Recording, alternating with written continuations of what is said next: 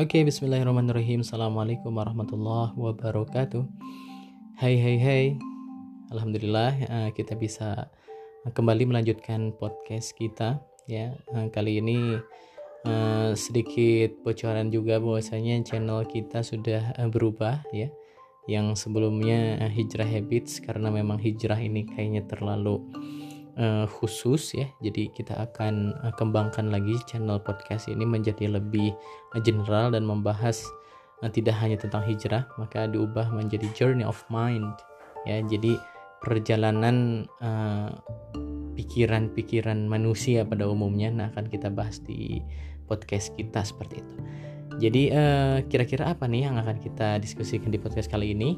Ya tentunya mungkin teman-teman sudah tahu di kesempatan uh, bulan ini banyak isu-isu yang uh, sudah menjadi uh, apa ya bahan media ya untuk mereka eksplorasi gitu ya. Dari mulai uh, omnibus law undang-undang omnibus law yang sudah disahkan oleh Presiden Jokowi kemudian bagaimana terkait konstelasi perpolitikan luar negeri gitu ya di mana sedang hot isu tentang uh, Presiden Macron yang membela Samuel Paty terkait penistaan uh, Nabi Muhammad SAW.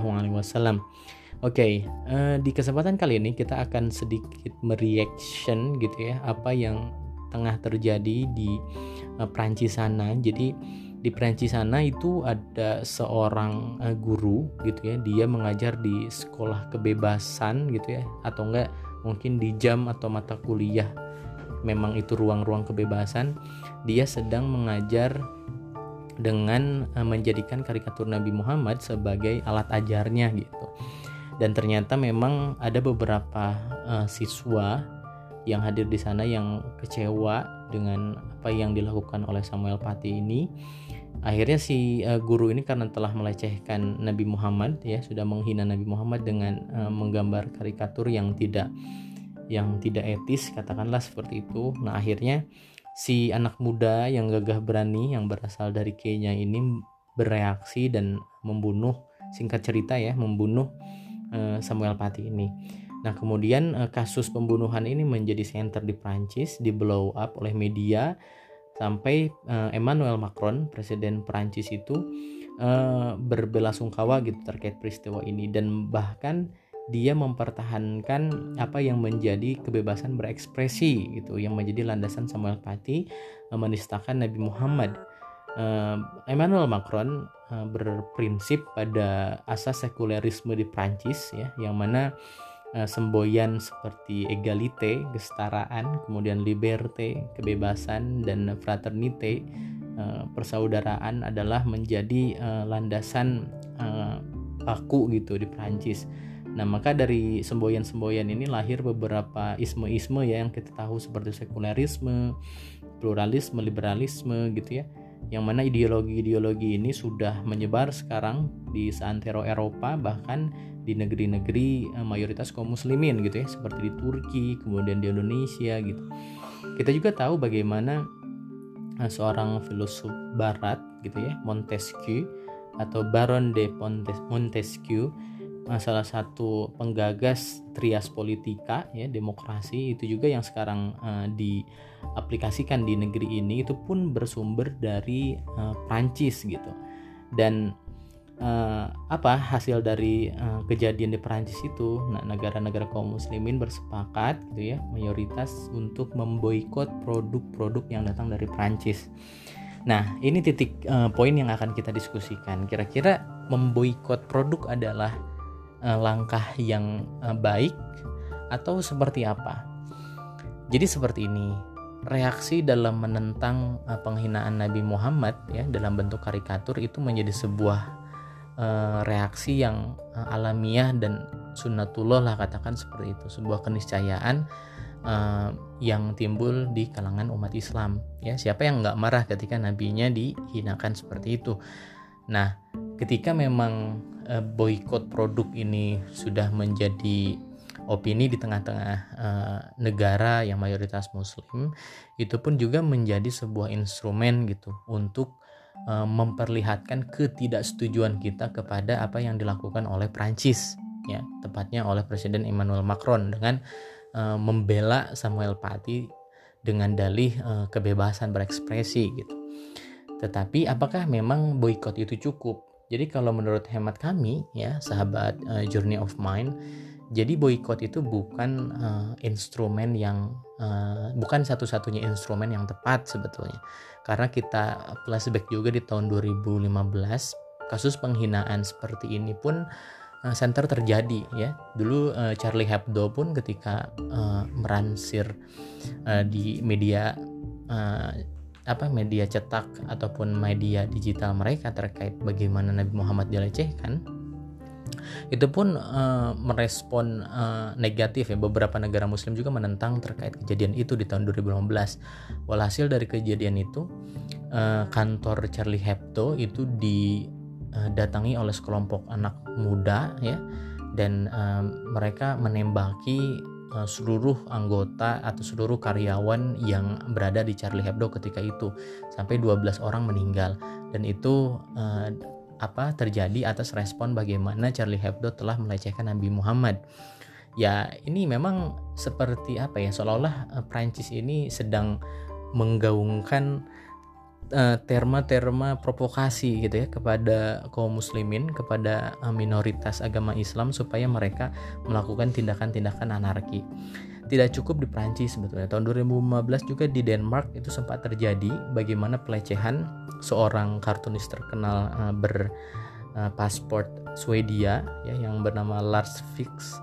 Lars Fils ini dia uh, mengadakan sebuah pameran kebebasan dan salah satu objeknya adalah menggambar Nabi Muhammad di sebuah kafe.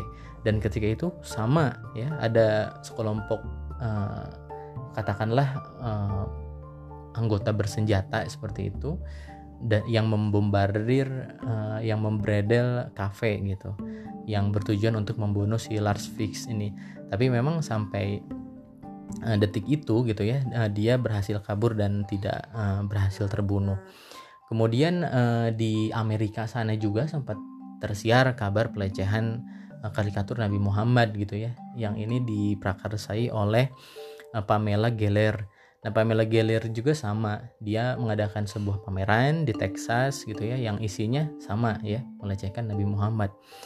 Dan uh, beberapa bulan setelah itu juga sama bagaimana pengadilan Amerika meloloskan terkait uh, kisruh atau kontroversi uh, film The Innocent of Muslim gitu. Itu pun sama film uh, provokasi yang uh, menyudutkan uh, umat Islam.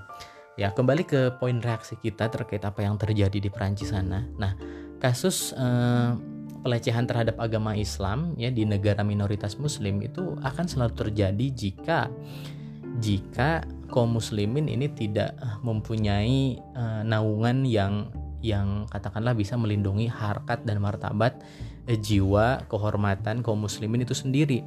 Kalau kita lihat pemimpin-pemimpin muslim sekarang ya yang sifatnya eh, regional misalnya di Indonesia, Malaysia, Turki gitu ya, Arab, Pakistan itu hanya negara-negara kecil yang uh, secara konstelasi politik di mata uh, Eropa itu bukan negara yang uh, bisa uh, ataupun negara yang berani gitu ya uh, mengangkat senjata untuk melawan penghinaan ini padahal dalam uh, sejarahnya ya bagaimana para sahabat dulu ketika Nabi Muhammad uh, dihinakan oleh uh, kafir Quraisy gitu ya oleh bangsa Yahudi yang ketika itu memang dengan sengaja gitu memprovokasi masyarakat di sana untuk tidak tidak patuh terhadap kepemimpinan Nabi Muhammad. Nah, apa yang dilakukan oleh para sahabat dan Rasulullah? Ya ketika ada Eh, provokator-provokator seperti itu ya uh, mereka di didakwahi dan ketika didakwahi tidak uh, tidak bisa kembali gitu dengan apa yang menjadi kesepakatan ya hukum uh, selanjutnya adalah perang ya diperangi gitu. Dan itu memang secara uh, apa secara uh, hukum tata negara ketika itu ketika Rasulullah menerapkan syariat Islam ya memang syariatnya seperti itu gitu ya ketika ada Eh, provokator yang ingin memecah belah hukumnya adalah diperangi. Dan ketika uh, sekarang ya ketika negara ini berasaskan nasionalisme ya semuanya hidup uh, di bawah negara-negara kecil payung-payung negara yang sangat rentan sekali gitu ya ya nggak ada yang berani untuk bagaimana memberhentikan penistaan yang terjadi di barat sana ya di Eropa ataupun di Amerika. Makanya ini menjadi poin penting bagaimana kita uh, mempunyai satu frekuensi terkait penistaan ini bahwasanya tidak cukup untuk memboikot produknya saja tapi yang terpenting adalah memboikot ajaran yang sudah uh, disebarkan oleh Perancis ya ajaran sekulerisme kemudian demokrasi, HAM, nasionalisme dan lain sebagainya. Maka eh, sahabat-sahabat Journey of Mind ini adalah landasan eh, bagaimana eh, kita menyikapi apa yang terjadi di Prancis. Jika memang teman-teman ada opini sendiri terkait hal ini silahkan bisa florkan gitu ya dan bisa DM kami ataupun juga bisa mereaksi podcast ini dan lain sebagainya. Oke, okay, I'll catch you later Sampai jumpa di podcast selanjutnya. Saya Hilman. Jangan lupa untuk follow akun sosmed saya ya Instagram @hilmanawawi ataupun juga di Twitter @hilmanawawi. Oke, uh, sampai bertemu lagi di podcast selanjutnya. Goodbye. Wassalamualaikum warahmatullahi wabarakatuh.